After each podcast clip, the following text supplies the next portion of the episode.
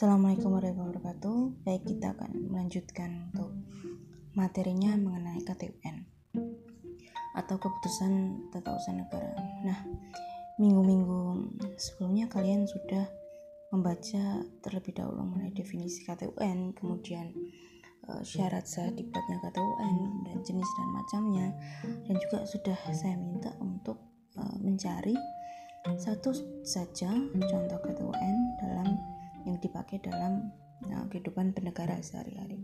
Nah, sekarang kita akan uh, belajar bersama-sama mengenai apa itu KTUN dimulai dari uh, definisi, kemudian perkembangan pemaknaan KTUN sendiri dari segi peraturan perundang-undangan yang mengatur di Indonesia.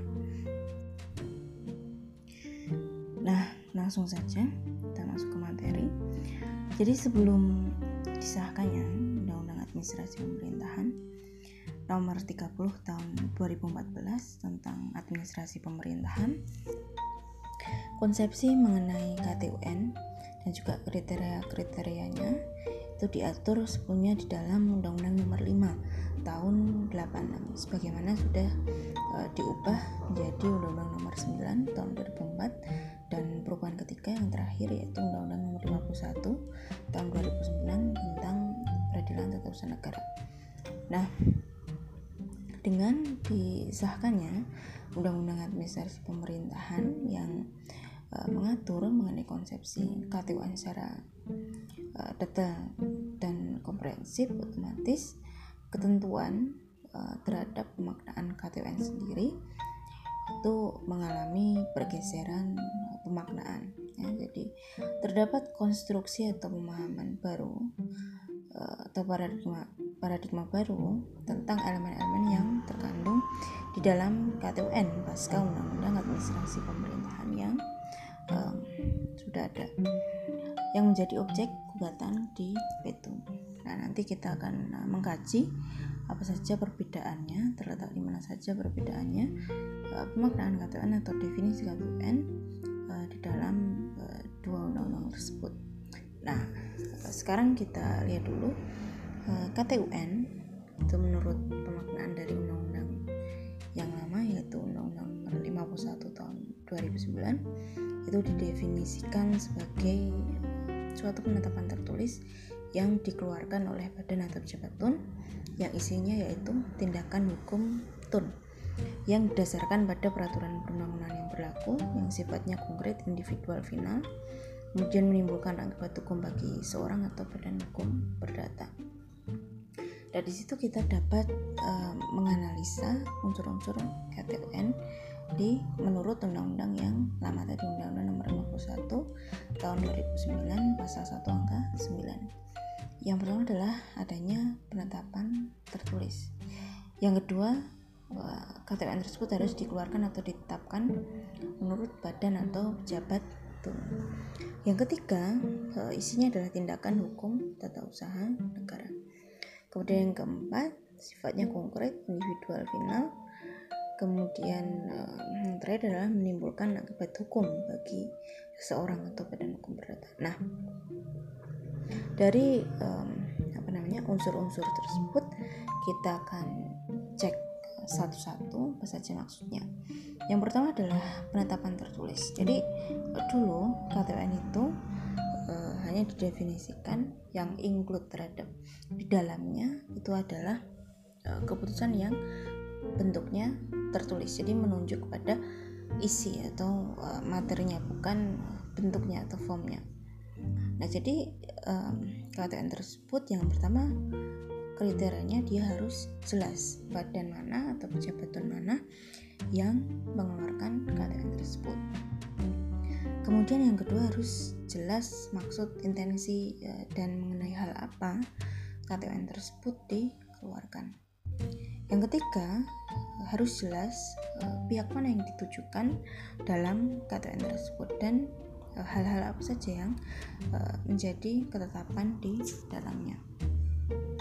Jadi harus memenuhi kriteria itu untuk dapat disebut sebagai KTUN sebagai penetapan tertulis tadi.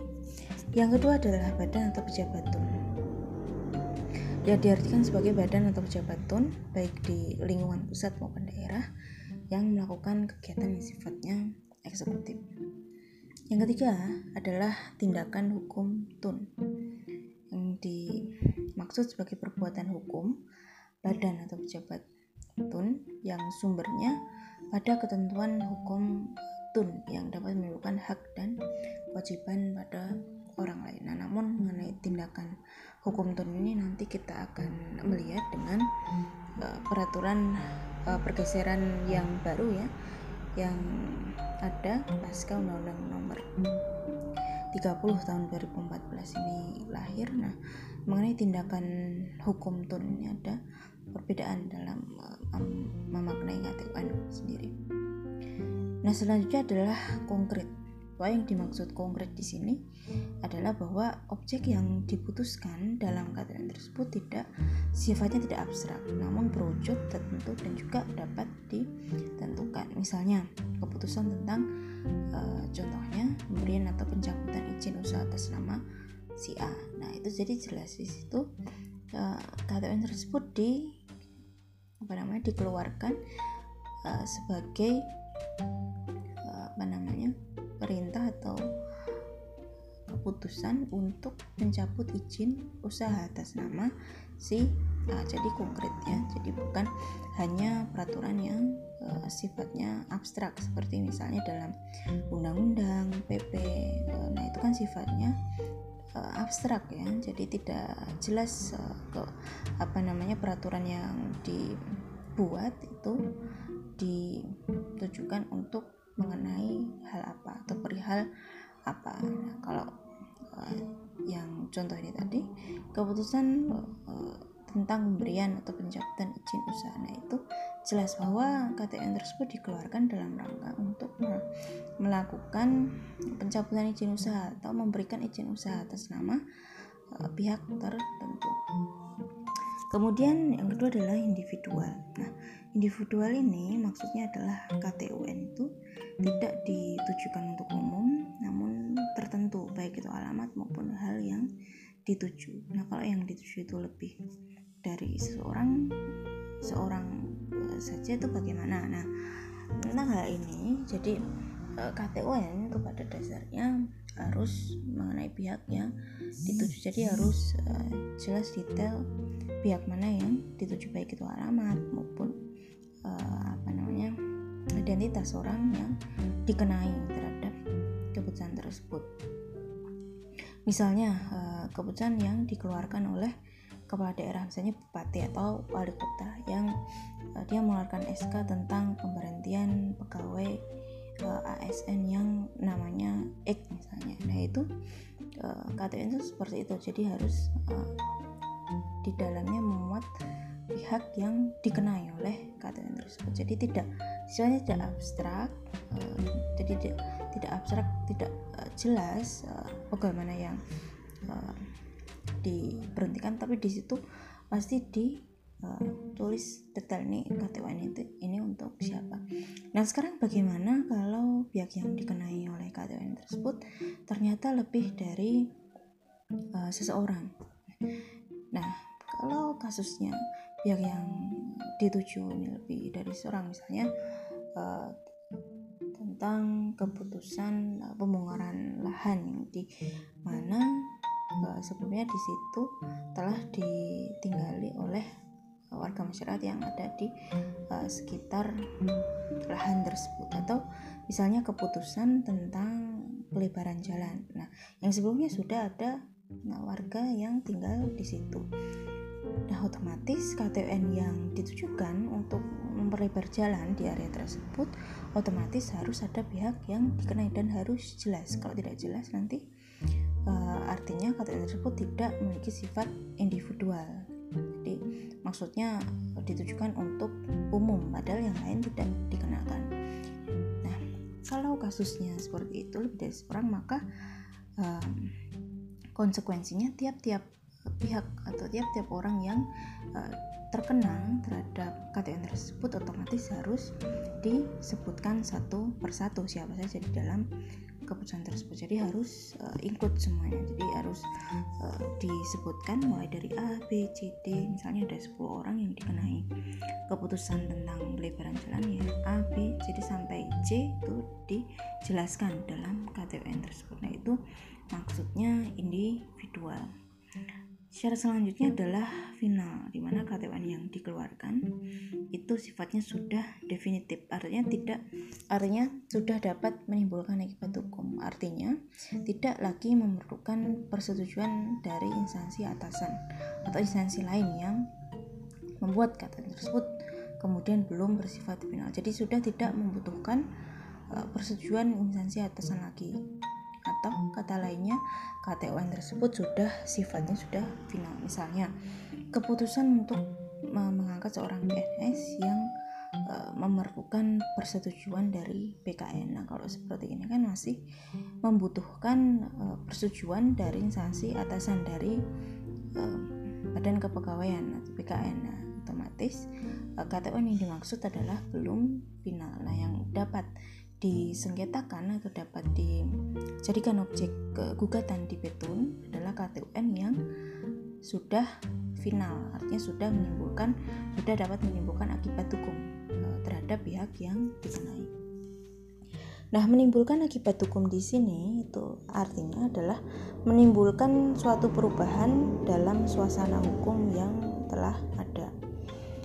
Nah, karena e, penetapan tertulis itu merupakan tindakan hukum pejabat tun nah maka otomatis sebagai tindakan hukum hal tersebut selalu dimaksudkan untuk menimbulkan akibat hukum bagi seseorang atau badan hukum perdata. Nah, jika tidak e, menimbulkan akibat hukum, maka itu bukan suatu perbuatan hukum dan karenanya bukan e, dikategorikan sebagai KTUN. Sehingga sebagai tindakan hukum tun, Penetapan tertulis yang dimaksud kemudian harus mampu menimbulkan perubahan dalam hubungan-hubungan yang telah ada. Seperti misalnya melahirkan hubungan hukum yang baru misalnya dalam um, SK atau akta kelahiran. Nah itu kan otomatis menimbulkan hukum yang baru di mana seorang individu itu diakui hak dan kewajiban uh, sebagai warga negara dengan lahirnya akta kelahiran maupun menghapuskan hubungan hukum yang telah ada atau menetapkan suatu uh, status hubungan hukum yang baru. Nah, itu ada dampak atau akibat yang dapat ditimbulkan dari uh, diimplementasikannya KTUN itu sendiri. Nah, kalau kita uh, melihat lebih lanjut dalam pasal 1 ayat 10 Undang-Undang Nomor 51 tahun 2009 tentang peradilan tun itu mengatur bahwa sengketa tun itu adalah sengketa yang timbul dalam bidang tun antara orang atau badan hukum perdata dengan badan pejabat tun baik di pusat maupun daerah yang diakibatkan dikeluarkannya KTUN. Berdasarkan pasal 110 tersebut, maka konstruksi sengketa atau konstruksi objek kegugatan yang dapat disengketakan dalam tun itu setidaknya harus memenuhi tiga elemen.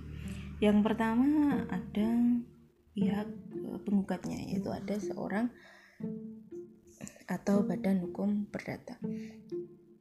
Kemudian pihak tergugatnya harus ada pejabat tun otomatis karena memang peradilan tun itu dibentuk salah satu fungsinya ada untuk ke, menjamin hak-hak warga negara agar uh, terbebas ya dari perbuatan sewenang-wenang yang dilakukan oleh um, apa namanya pejabat pemerintahan atau pemerintah. Jadi otomatis ya elemen yang kedua harus ada pejabat tun baik di pusat maupun di daerah Kemudian yang ketiga adanya KTUN yang dikeluarkan yang dasarnya adalah peraturan perundang-undangan.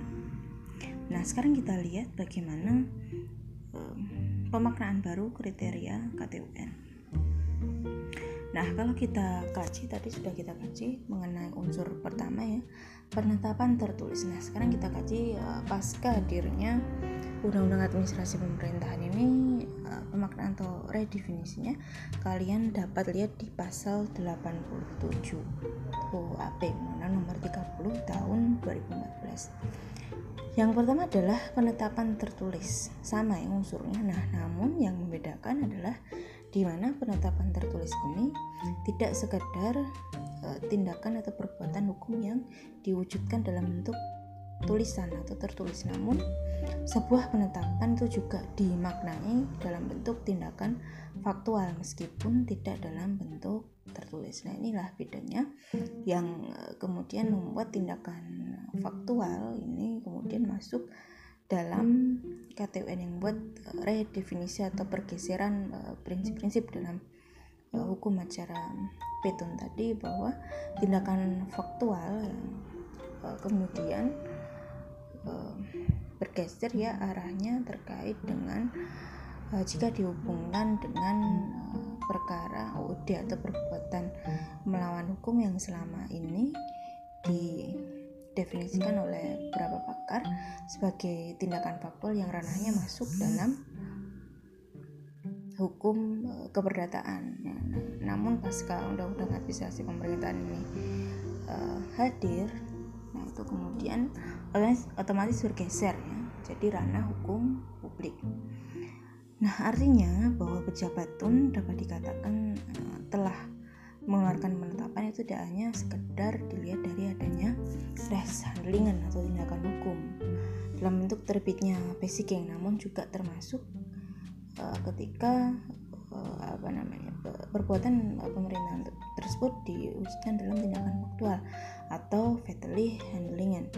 Nah, secara teoritis fatally handlingan selama ini dipahami bukan bagian dari uh, tindakan hukum pemerintah namun merupakan tindakan faktual yang dilakukan tanpa memiliki uh, dasar hukum. Nah, namun ini masih menjadi uh, banyak perdebatan antara uh, pro dan kontra mengenai uh, ranah mana ini seharusnya tindakan faktual atau perbuatan uh, PMH ya, perbuatan melawan hukum yang dilakukan oleh pemerintah ini masuk dalam ranah keperdataan atau ranah uh, tata negara atau administrasi. Nah, menurut uh, Hakim Irfan Mordi kita kutip sedikit mengenai pendapatnya mengenai masuknya tindakan faktual sebagai bagian dari KTUN sebagai objek gugatan dalam sengketa dan ini merupakan bagian yang tidak terpisahkan dari adanya ketentuan diskresi. Pengaturannya kalau kalau kalian lihat di UAP ini ada di pasal 22 sampai pasal 32 Nah, dengan adanya ketentuan pasal 87 tersebut, maka otomatis tindakan faktual yang sering eh, dikategorikan sebagai PMH atau perbuatan melawan hukum atau OD on head over head state oleh pemerintah secara hukum kemudian menjadi bagian dari kewenangan kompetensi absolut itu dalam melakukan pemeriksaan maupun mengadili. Nah, yang kedua, yang pertama tadi penetapan tertulis, kemudian yang kedua adalah keputusan badan atas pejabatun di lingkungan eksekutif, legislatif, yudikatif, dan penyelenggara negara lainnya. Nah, ini berbeda ya dengan yang uh, di Undang-Undang Nomor 51 tahun 2009 tadi, di mana kata UN hanya dilakukan diputuskan oleh badan atau pejabatun yang ada hanya di lingkungan eksekutif. Nah, tapi pasal 87 ini meredefinisi bahwa keputusan badan atau pejabatun itu termasuk baik uh, dia di lingkungan eksekutif, legislatif, yudikatif maupun penyelenggara negara lainnya. Jadi kalimat di dalam pasal 87 ini turut memperluas sumber terbitnya KTUN yang memiliki potensi menjadi sengketa di petun. Nah, kemudian yang ketiga, keputusan yang memiliki potensi menimbulkan akibat hukum. Nah, selama ini berdasarkan pasal 53 ayat 2 Undang-Undang Nomor 9 Tahun 2004 tentang PTUN uh, tentang ya uh, tentang PTUN ya peradilan tata usaha negara. Nah, di sini makna menimbulkan akibat hukum dapat ditelusuri atau dapat didefinisikan kalau memang benar-benar sudah uh, di apa namanya didapatkan dia kerugian yang nyata atau kerugian hukum secara nyata. Namun di dalam pengujian sengketa pasca hadirnya pasal 87 ini yang memuat bahwa keputusan di salah satu unsurnya kalau kalian lihat di pasal 87 itu ada frase berpotensi menimbulkan akibat hukum sehingga dalam pengujian sengketa itu otomatis hakim petun dalam mengkonstruksi kerugian hukum yang didasarkan atas adanya fakta kerugian hukum yang langsung berdasarkan asas kausalitas dan tidak lagi harus menimbulkan kerugian yang nyata. Jadi kalau dulu kan harus ada kerugian yang nyata baru kemudian dapat dijadikan objek sengketa di kekuatan di petun. Nah, dengan adanya atau dengan hadirnya klausul berpotensi menimbulkan hukum, berpotensi menimbulkan akibat hukum. Nah, ini serta merta menyebabkan bahwa adanya perluasan makna terhadap legal standing orang atau badan, badan hukum rata yang dapat menggugat di peradilan tata usaha negara. Maksudnya adalah bahwa ketika ada KTUN yang baru hanya memiliki potensi merugikan saja meskipun kerugian tersebut belum nyata eh, dapat dibuktikan dan tidak bersifat langsung maka KTUN tersebut sudah bisa digugat di petun atau sudah dapat menjadi objek di petun. Nah, menurut hakim yang lain ya, Hakim Agung Julius, klausul berpotensi menimbulkan akibat hukum. Nah, ini yang kontra ya. Nah, menurut beliau ini masih melahirkan ketidakpastian hukum. Mengingat sudah menjadi asas bahwa ketika ada hukum baru ada reaksi dalam konteks gugatan uh, hukum ya. sehingga jika tidak uh, ada fakta juga tidak mungkin ada gugatan. Nah ini masih merupakan pro dan kontra terkait dengan redefinisi keputusan tun ketika dijadikan objek gugatan di uh, peradilan tata usaha negara. Nah yang keempat adalah keputusan yang berlaku bagi warga masyarakat. Nah klausul ini menambah makna baru ya, jadi ada klausul berlaku bagi masyarakat. Nah kalau dulu e, KTUN itu unsur yang terakhir kalau yang tadi saya jelaskan adalah keberlakuannya bagi seseorang atau badan hukum perdata. Nah, namun berdasarkan yang baru keputusan ini keberlakuannya bagi warga masyarakat. Nah ini turut menambah e, makna baru dari uh, kriteria KTUN dan juga otomatis memperluas peluang legal standing warga masyarakat dan kelompok dalam mengajukan gugatan di itu.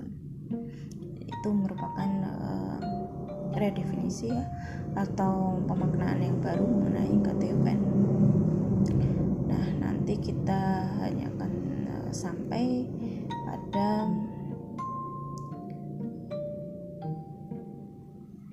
macam-macam ya syarat-syarat macam-macam jenis-jenis KTWN sementara untuk wewenang sumber-sumber wewenang kita akan lanjutkan di pertemuan selanjutnya. Nah sekarang kita masuk pada uh, syarat-syarat sah KTWN nah ini kalau kalian banyak baca di uh, berbagai literatur atau buku nah itu ada dua syarat. Yang pertama adalah syarat material syarat-syarat sah KTWN nah ini ada di pasal sekitar pasal um, kalau tidak salah 52 ya. Undang-Undang Administrasi Pemerintahan dapat dilihat mengenai syarat-syarat sah KTUN jadi terdapat dua persyaratan. Yang pertama adalah syarat material. Yang pertama KTUN dibuat oleh organ yang berwenang. Jadi otomatis kalau tidak berwenang ya tidak uh, dapat membuat keputusan KTUN yang kedua adalah karena keputusan tersebut merupakan pernyataan kehendak, maka otomatis KTN yang dibuat juga tidak boleh mengandung kekurangan yuridis seperti bedrock atau paksaan maupun dwelling. Jadi tidak eh, boleh uh, dibuat karena itu pernyataan kehendak tidak boleh atas dasar penipuan, uh, paksaan atau duang maupun kehilafan. Jadi tidak boleh ada kesalahan atau cacat yuridis di, di dalam KTPN yang dikeluarkan tersebut. Yang ketiga bahwa keputusan itu harus diberikan bentuknya yang ditetapkan sesuai peraturan dasarnya dengan uh, memperhatikan prosedur dalam pembuatan keputusan tersebut jadi harus uh, berdasarkan peraturan yang mendasarinya yang keempat adalah bahwa isi dan tujuan dikeluarkan KTUN harus sesuai dengan isi dan tujuan dari peraturan yang mendasari layarnya KTUN. Jadi harus ada peraturan yang uh, apa namanya yang ada yang peraturan tersebut dijalankan dan diberlakukan untuk uh, kemudian dijadikan sebagai dasar dari pembuatan KTN saja jadi harus ada regling dulu baru ada basicing nah itu syarat formal yang kedua adalah syarat uh, eh tadi syarat material ya. Yang kedua adalah syarat formal syarat formal ini meliputi yang pertama adalah syarat-syarat yang ditentukan yang berhubungan dengan persiapan dibuatnya keputusan dan yang berhubungan dengan cara dibuatnya keputusan yang harus dipenuhi. Nah, bentuk ketetapan ini harus sama dengan bentuk yang e, dikendaki berdasarkan peraturan yang mendasari. Yang kedua, bahwa keputusan yang harus diberi bentuk yang ditentukan tadi bahwa e, prosedurnya harus sama dengan bentuk yang diatur dalam uh, peraturan yang mendasari. Kemudian syarat-syarat yang ditentukan yang berhubungan dengan dilakukannya keputusan itu harus dipenuhi. Dan yang terakhir adalah jangka waktu yang ditentukan antara timbulnya hal-hal yang menyebabkan dibuatnya keputusan dan diumumkan keputusan tersebut tidak boleh dilewati. Itu adalah syarat-syarat formal pembuatan keputusan.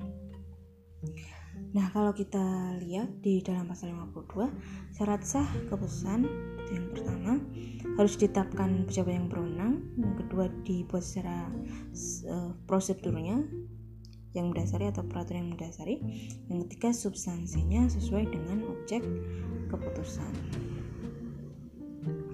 Nah, sekarang kita masuk ke macam-macam KTUN. Yang pertama adalah uh, ada jenisnya KTUN perorangan dan KTUN kebendaan.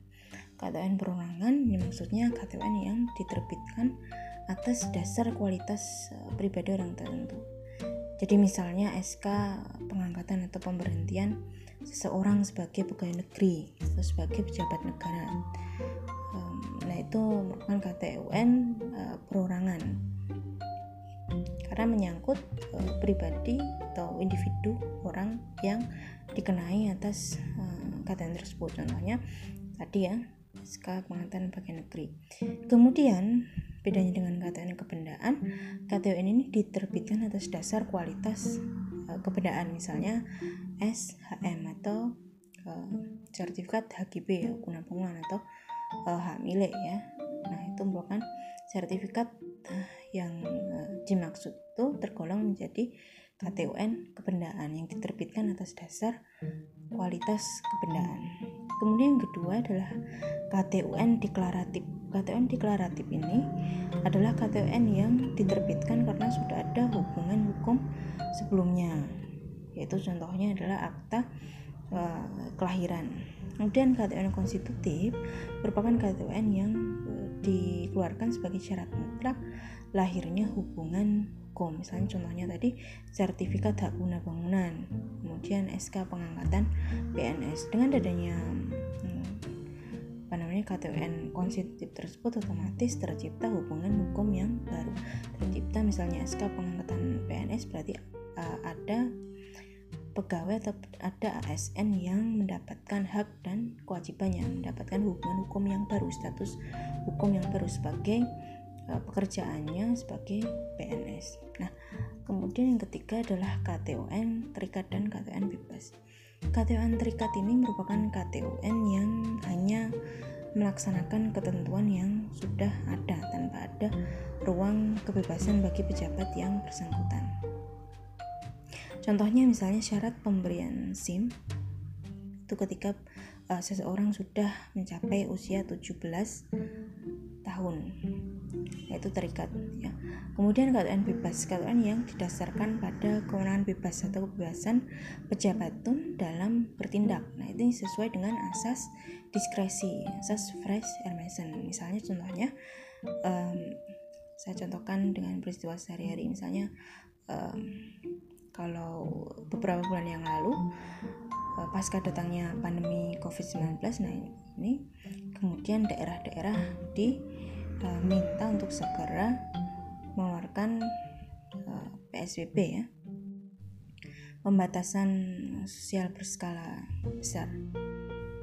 Nah ini setiap daerah otonom sesuai di sesuai dengan eh, daerahnya masing-masing potensi dan uh, kondisi daerahnya masing-masing. Kemudian uh, pejabat uh, daerah yang berkaitan dengan daerah otonom sendiri, misalnya kepala daerah yang uh, apa namanya daerahnya belum begitu terkena dampak COVID masih dalam area hijau dulu sebelum pada waktu awal COVID itu belum atau bisa menetapkan diskresi untuk belum uh, saatnya menetapkan PSBB. Berbeda dengan daerah lain yang mungkin lebih awal dalam menerapkan PSBB dan lebih ketat dalam aturan PSBB. Nah, itu KTUN bebas, KTUN yang didasarkan pada kebebasan tun yang landasannya asas diskresi tadi. Nah, kemudian yang keempat adalah KTUN yang menguntungkan atau KTUN yang memberikan beban KTN yang menguntungkan itu adalah KTN yang memberikan hak-hak atau memberikan uh, keringan beban yang ada atau yang mungkin uh, ada. Kemudian KTN yang memberikan beban, KTN yang meletakkan uh, kewajiban yang sebelumnya tidak ada atau KTN yang uh, mengenai uh, penolakan terhadap uh, permohonan untuk memperoleh keringanan.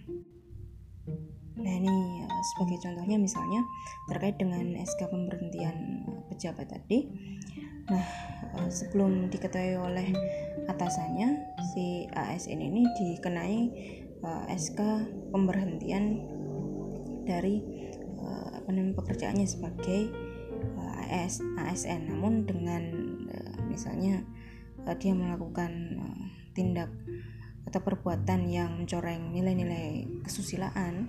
Nah sehingga membuat uh, eh, KTN ini yang dikeluarkan oleh atasannya menjadi tidak menguntungkan bagi dirinya atau memberikan beban jadi yang sebelumnya hanya diberhentikan saja kemudian diputuskan oleh atasannya menjadi KTUN tersebut menjadi uh, SK uh, pemberhentian tidak dengan hormat pegawai tertentu. Nah, itu merupakan uh, contoh ya KTN yang memberikan beban. Nah, kemudian yang selanjutnya adalah KTN kilat. KTN kilat atau N malik itu merupakan KTN yang hanya berlaku sekali. Sebagai contoh, IMP izin mendirikan bangunan. Kemudian KTN langgeng yaitu KTN yang memiliki masa berlaku yang relatif lama misalnya SK PNS uh, eh, kekuatan berlakunya itu kan uh, selamanya. Jika yang bersangkutan kemudian diangkat menjadi pegawai negeri. Nah itu saja mungkin materinya sampai pada uh, syarat sah dan uh, jenis-jenis KTUN kemudian minggu depan akan saya lanjutkan lagi ke materi sumber-sumber wewenang Baik, mungkin itu saja materi yang bisa saya sampaikan. Terima kasih atas atensi untuk mendengarkan. Terima kasih. Assalamualaikum warahmatullahi wabarakatuh.